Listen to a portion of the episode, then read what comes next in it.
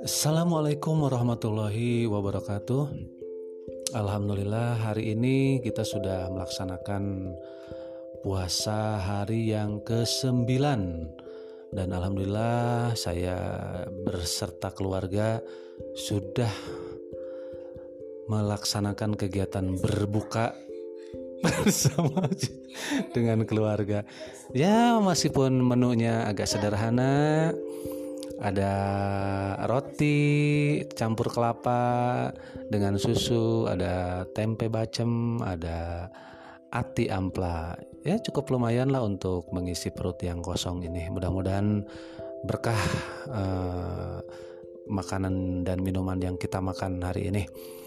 Untuk selanjutnya uh, kita coba akan melaksanakan rutinitas karena sekarang lagi di lockdown ya atau PSBB maka kegiatan ibadahnya di rumah saja.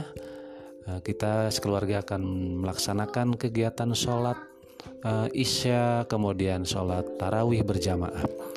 Mudah-mudahan setelah tarawih kita bisa melanjutkan tadarus Al-Quran karena masing-masing sudah mempunyai bacaannya yang sudah dijadwalkan setiap harinya.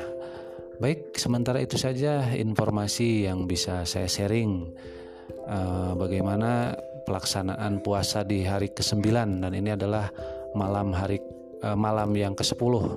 Mudah-mudahan besok kita bisa melanjutkan ibadah puasanya dengan khusyuk, tidak ada gangguan dan hambatan yang membatalkan puasa kita.